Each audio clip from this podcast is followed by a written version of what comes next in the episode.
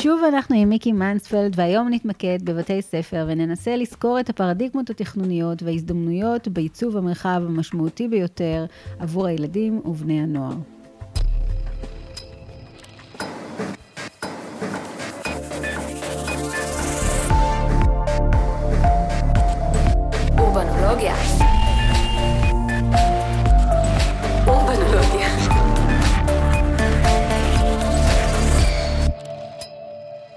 מיקי, שלום שוב, אנחנו שוב עם מיקי מנספלד, ואנחנו נדבר uh, קצת על מבנה חינוך. זה אחד מן הטיפולוגיות וה, והסוגי מבנים שאתם uh, מכירים, עובדים, ויש לכם ניסיון רב איתם.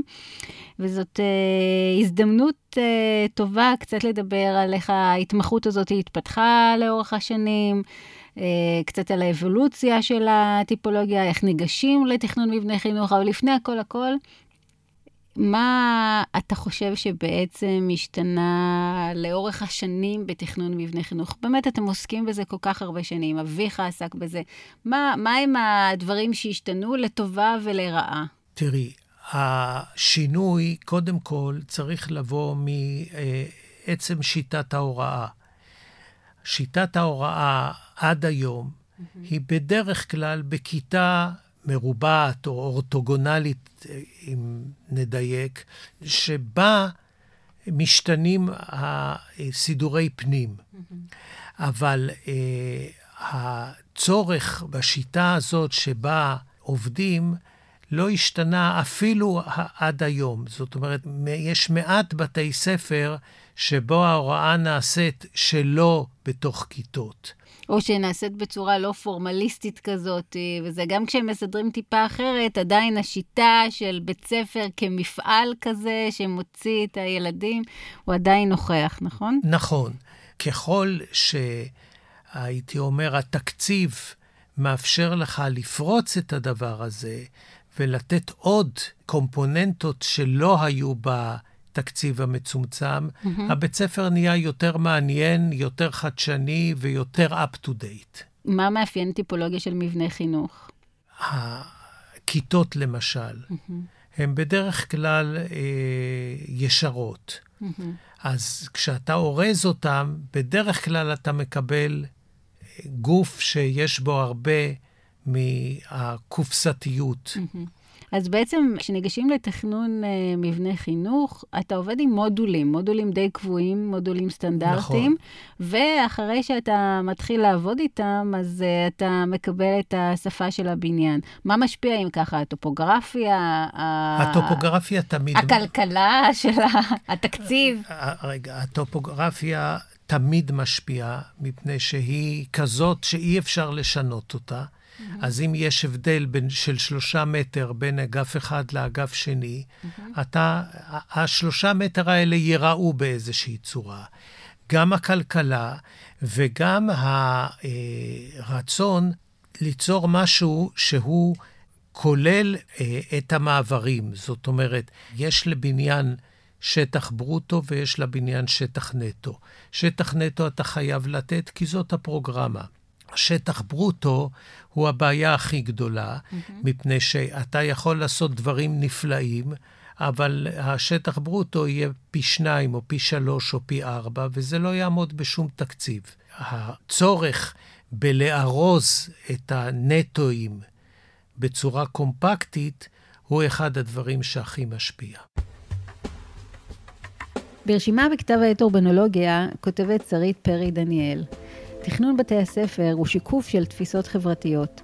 המורפולוגיה הפיזית תואמת את הצרכים הדידקטיים והחברתיים ובאה לידי ביטוי במשתנים שונים, כמו למשל ההיררכיה בין מרחבים שונים בתוך בית הספר, בין כיתות הלימוד המרכזיות לבין החללים הפרטיים למחצה, הקשר בין פנים וחוץ, הדגשים על החללים השונים, בחירת החומרים, תכנון הכיתה ומיקום חדרי ההנהלה והמורים.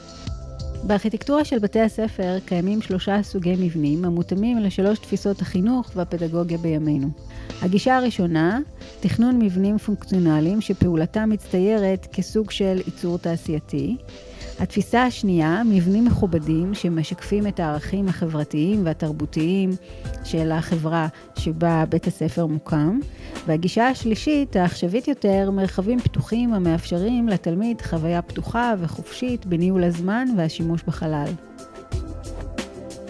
בוא אה, נציג את אה, שלושת הפרויקטים שהבאת ככה לשיחה היום. אוקיי. Okay. הפרויקט הראשון שאנחנו רואים זה בית ספר דתי עם ישיבה בחלק המרכזי שמו, שלו. שמו, שמו? בית ספר יבנה בחיפה. שהוקם ב...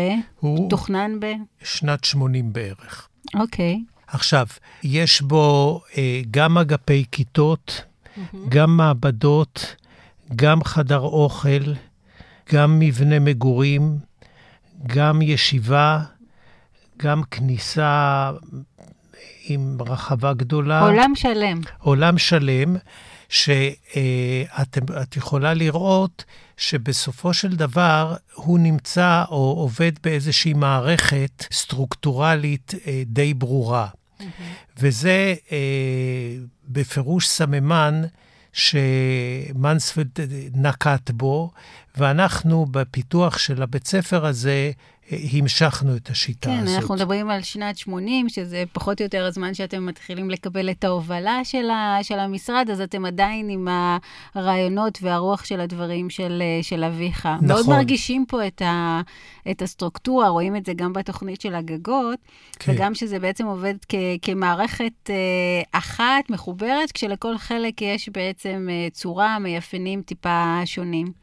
ואת רואה גם שהמערכת כולה בנויה ככה שאפשר לבנות אותו בשלבים. Mm-hmm. בהתחלה נבנה בניין הכיתות. גם זה מזכיר את מוזיאונית ישראל, גם הסטרוקטורה, גם, ה, גם השלביות. כן. כן. למה קשרים מילים? למה אי אפשר אה, לחבר את התנועה במפלס הקרקע? כי הבית ספר יושב על טופוגרפיה אה, לא שטוחה. אה, אז רציתם לנצל את הטופוגרפיה כן, בשביל השם. זה הצד הגבוה, למטה זה הצד הנמוך, ואז אה, מתוך אה, מגמה שהבניין יעמוד בדרך כלל במגע עם הקרקע, נוצרים הבדלים, ואת ההבדלים האלה צריך לקשור בקשרים או במעברים כאלה שכל המערכת תעבוד יחד. בכלל טופוגרפיה זאת אה, סוגיה בפני עצמה, והחיפאים לדעתי, המשרדים החיפאים מתמודדים עם הנושא של הטופוגרפיה הרבה הרבה יותר מאשר אה, המשרדים שנמצאים בשרון ובשפלה. אה, איך זה משפיע בעצם על תכנון של מבני ציבור, כאשר אתם מקבלים אה, משטח, אה, תא שטח עם טופוגרפיה תלולה, מה, מה מתחילים לעשות קודם? קודם כל, הייתי אומר שצריך לשלם פעמיים, לפחות על ה... אני אעביר את זה כן. למזמינים, כן. בסדר.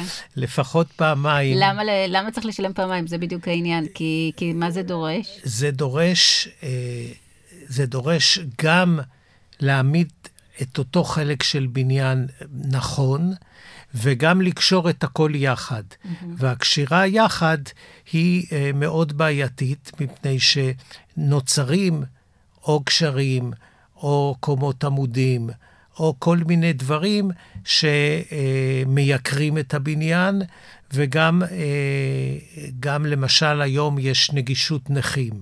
אנחנו צריכים להגיע עם כיסא גלגלים, לכל מקום. זה הופך את התכנון למאוד מאוד מורכב. הרבה יותר מורכב. זה גם נותן צורות הרבה יותר מעניינות, mm-hmm. אבל ההתמודדות היא התמודדות קשה. אנחנו מסתכלים על החזיתות, אז uh, מאוד מאוד מזכיר בשפה קצת את ה...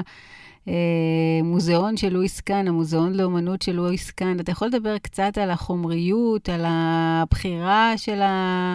החזיתות בכלל אה, הן אה, תמיד אה, נושא קשה באיזה חומר להשתמש, מפני שלבד מטיח פשוט, החזיתות הם, וכאן הגופים הם גם הם גופים גדולים, צריכות להיות כאלה שמצד אחד יאפשרו תאורה טובה, ויש תקנים לדברים האלה. מצד שני, צריך להיות איזון בין המלא ובין הפתוח. וכאן זו הייתה עדיין תקופה שידעו לעשות טיח גרנולית, ובעצם כל הבניין, גם הרצפה וגם הקירות, אה, עשויים מטיח גרנולית. לשמחתי, זה יצא אה, סביר, וזה היום מחזיק בצורה נפלאה, כן. יותר טוב מכל אה, חומר אחר שהוא לא אלומיניום או לא זכוכית. אבל באמת הבניין הוא מאוד מונומנטלי, זאת כן. אומרת, הוא, החזיתות הן אה, אטומות והאור מגיע מ, או מהטיפול בלבני זכוכית, או כל מיני פירים אה, ואטריומים ש, שיצרתם, נכון? כן, אנחנו רצינו מצד אחד, למשל, לאותו בניין ישיבה, להחדיר הרבה אור, mm-hmm. מצד שני, שהאור לא יהיה מסנוור. זאת אומרת שההחדרה תהיה בפינות של בניין, בעזרת לבני אז זכוכית. אז הכנסתם את זה באופן עקיף. כן. Mm-hmm. ו- ו- ובאמת, אין לי כאן תמונה של הפנים, אבל בפנים יש הרבה מאוד אור. כל הגג הוא כיפה בפני עצמה, זאת אומרת... אבל ה... זה בעצם אור מסונן נכון. כזה, לא, לא בוהק.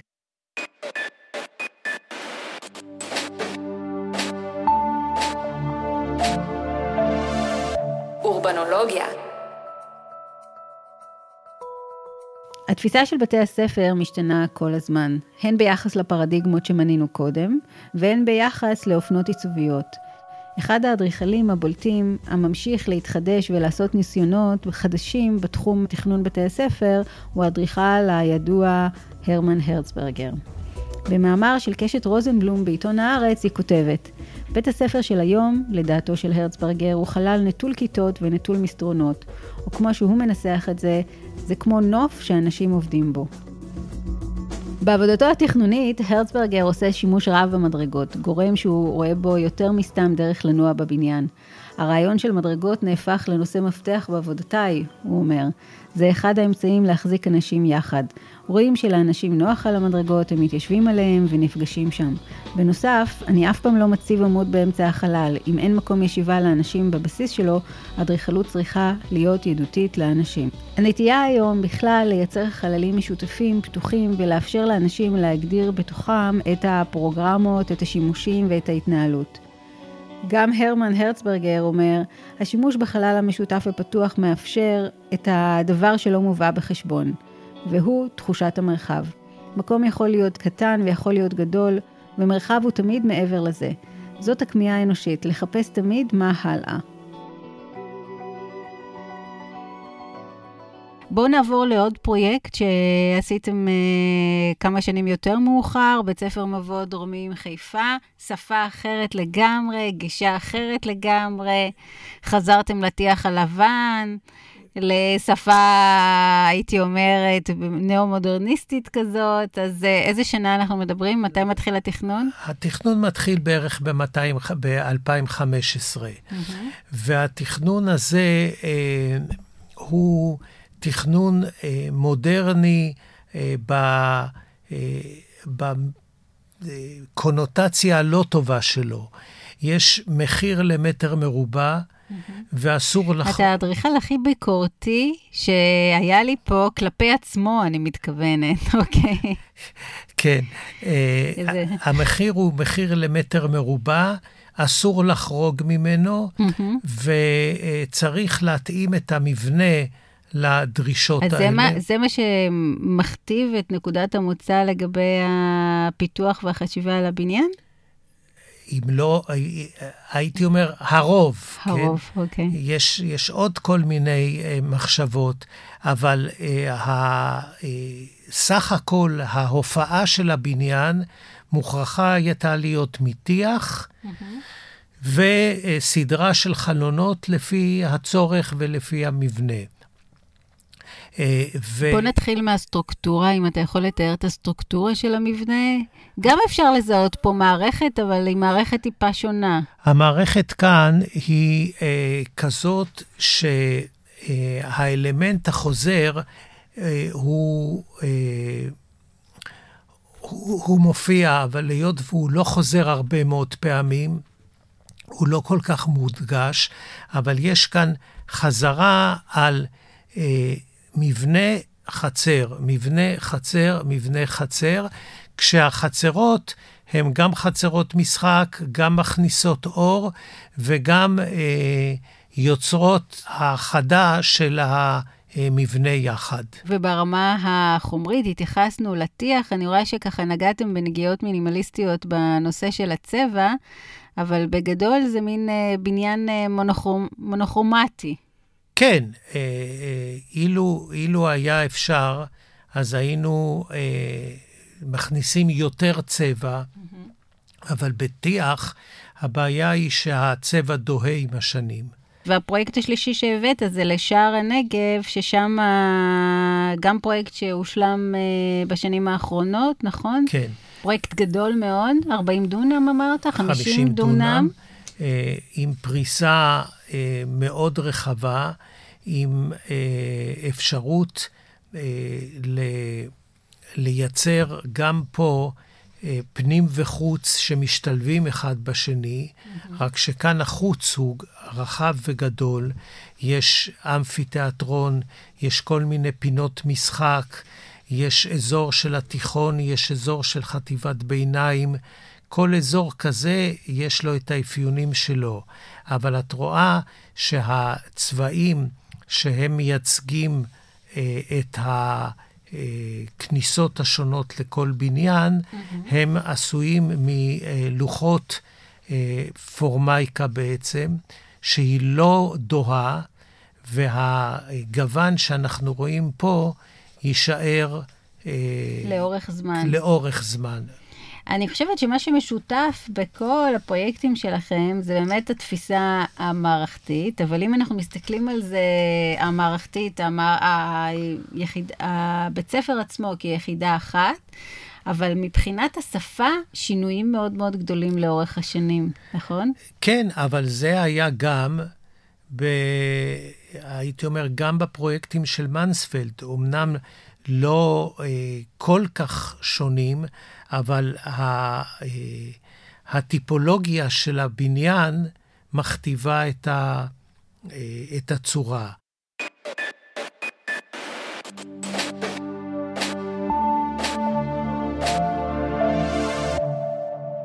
תגיד לי, מהם הדברים שכאשר אתה ניגש לתכנון בבתי ספר, אתה עומד עליהם אה, בכל הכוח? מהם הדברים הכי חשובים לך? מהם הדברים, מהם הדברים החשובים בשבילך? הדבר החשוב הוא שאפשר יהיה לתת לתלמיד אפשרות לקלוט את החומר בצורה אופטימלית. זאת אומרת, אם אנחנו נעשה כיתה, ולא משנה צורתה, שבה יהיה רעש, שבה יהיה פחות אור, שבה לא יהיה מיזוג, או כל מיני דברים שהם הכרחיים לקליטה של חומר, אז פספסנו את, ה, את הנושא. Mm-hmm. המטרה של בית ספר היא לתת מקום שבו אפשר ללמוד בצורה הכי טובה. עכשיו, היום אנחנו נותנים את זה לא רק בכיתה, גם במסדרונות, גם בחוץ, גם ב... כל מיני מקומות שאנחנו מכשירים אותם, אבל אף מקום הוא לא כזה שאי אפשר יהיה ללמוד, כי למשל יש רעש. אבל אם הייתי עכשיו, אה, הייתי עכשיו שרת החינוך והייתי אומרת לך, מיקי, תתכנן מה שאתה רוצה. היית מתכנן אחרת בתי ספר? לאיזה מקום היית לוקח אותנו? תראי, אפשר היה עוד פעם לעשות את הכיתות לאו דווקא בצורה שלהם הנוכחית. בצורה הנוכחית. לפזר אותם יותר, לארגן כל מיני מרכיבים של הבית ספר שהם לא יהיו כמו שהם היום.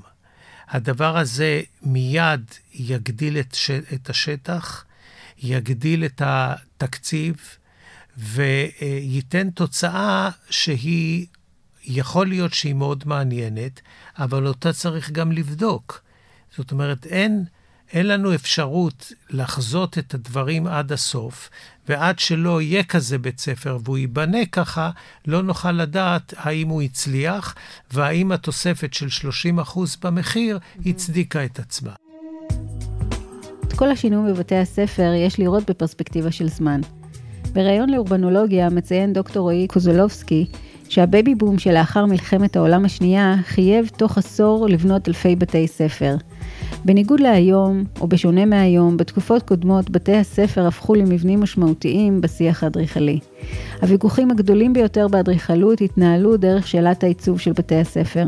הם העסיקו לא רק מחנכים, אלא גם אדריכלים. הרעיון היה התרגום של תפיסת הילד במרכז לסביבת פעולה. הייתה אנרגיה תכנונית ורעיונות מאוד מעניינים שיושמו בבתי ספר. היה אגף תכנון במשרד החינוך, אבל כל מחוז בנה את בתי הספר שלו, מה שתרם לפלורליזם וגיוון. גם בישראל, הוא אומר, בית ספר עמל, ליידי דייוויס בתל אביב, תוכנן ברוח דומה ונחשב מבנה בעל חשיבות אדריכלית. יתרה מזאת, האדריכלים הלכו לבתי ספר כדי להבין מה זה בית ספר. ילדים כל הזמן עושים את אותה פעילות כל יום, נמצאים בכיתה, יוצאים להפסקה. זוהי פעילות ריתמית, כלומר ארגון הזמן במרחב. בכיתה צריך שקט וריכוז, והמסדרון מקום מעורר וחי. מתוך תפיסתם שהסביבה משפיעה על הגוף, השאלה הייתה איך ניתן לפתוח את הילדים לעולם. הבית של מעמד הפועלים נתפס כמוגבל וסגור, ולכן תפקיד בית הספר היה לפתוח אותם. דרך שיעורי ספורט, למשל, ניסו ללמד את הילדים לשחרר את הגוף, להיות חופשיים. מבחינה זאת, טוען קוזולובסקי, כי זאת הייתה התקופה הכי יצירתית והכי הרפתקנית באדריכלות, ובמידה רבה גם בחינוך, כי הם באמת האמינו שאפשר לשנות את החברה. זה יצר חינוך פרוגרסיבי, שבו המורה עובד ללא תוכנית לימודים, מצופה ממנו להגיב בהתאם להתקדמות של הילדים, וגם באדריכלות זאת הייתה תקופה יצירתית של ניסיון לתרגם רעיונות אלה לחלל. מה שמדהים אותי זה שבאמת אה, ישב פה רכטר ודיברנו על בתי מלון ואיך שהפרדיגמה של בתי המלון השתנתה. דיברתי עם אה, שרון ארד על בתי החולים, וגם הוא דיבר בעצם על המבנים שזבו תכנן, אביו תכנן, והוא אה, מתכנן היום, וגם כן על השינוי. היום הבתי חולים הם כבר הרבה יותר דומים לסוג של קניון, או איזשהו מקום שבכל זאת רוצה לתת איזושהי תחושה אחרת. ודווקא בבתי הספר, הספר, יש לי תחושה שאפילו במידה מסוימת אה, הלכנו אחורה. כי למרות ש... כשמסתכלים חיצונית על בתי הספר, הם נראים יותר צבעוניים ואולי יותר מסוגננים, אבל אני חושבת שזה, לפי הדברים שאתה אומר לי, האדריכל יכול uh, לעשות ולשנות נקודתית כאן או שם, אבל ברמה של, ה, של התפיסה של מבנה החינוך, אנחנו נשארנו עם תפיסה די דומה. התקנים החמירו, התקציבים בחלק מן המקרים הצטמצמו, ובאמת הפעולה של האדריכל היא מאוד אה, ככה עדינה, נקודתית, הוא יכול להוסיף פה, הוא יכול להוסיף שם, אבל אין מהפכות גדולות, זה מה שאני מנסה... כן, אבל, אבל זה גם, גם באוניברסיטאות. נכון. וגם פה, כשאת תיקחי את אוניברסיטת תל אביב, ותיקחי את הבניין הכי חדשני, בסוף יש כיתה... כיסאות. כיסאות, לוח. ו... וככה לומדים. ומקרן, כבר אין לוח, יש היום מקרן. כן. צריך להגיד תודה אם יש לוח. כן.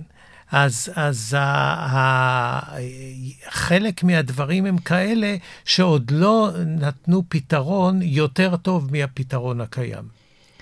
מיקי, המון המון המון תודה שבאת אלינו. היה נחמד ומלמד uh, לשמוע אותך, אז uh, תודה.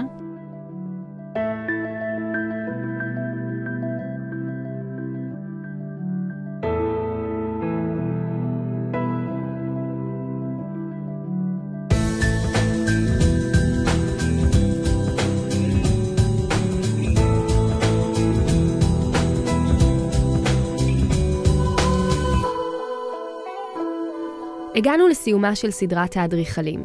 אנחנו רוצים להיזכר רגע בכל האורחים שהיו לנו כאן. אדריכלות זה אנחנו נותני שירותים, אנחנו לא מחליטים uh, בשביל הלקוח מה ומו ומי, וזאת uh, גישה נהדרת ללהיות חסר, uh, איך אומרים, unscrupulous. זה נורא קשה כשיש דף לבן. נכון. הקו הראשון הוא, הוא קשה, נפשית אפשר להגיד אפילו. התכנון של בית חולים הוא מאוד נוקשה מבחינת הפרוגרמה. קיבלנו לתכנן את שכונת המשתלה. והיה לנו ברור שצריך לעשות את זה אחרת. שם היה איזושהי הכוונה למגדל. Mm-hmm. אנחנו חשבנו שלא נכון שעירייה תשב במגדל. תודה לאמנון רכטר, לדודי ודניאל זרחי, לערד שרון, לטלי יער קוסט ולמיקי מנספלד. שמחנו לארח אתכם כאן אצלנו באולפן של אורבנולוגיה באוניברסיטת תל אביב. אז זהו, אנחנו נפרדים, אבל לא להרבה זמן. בקרוב נעלה עם סדרת פודקאסט חדשה, חמישה בניינים. עד אז אתם מוזמנים להיכנס לאתר של אורבנולוגיה. אנחנו, טלי חתוקה והדס צור, אורחות, ניר לייסט, עורכת הסאונד והמוזיקה. תודה שהייתם איתנו, וניפגש בסדרה הבאה.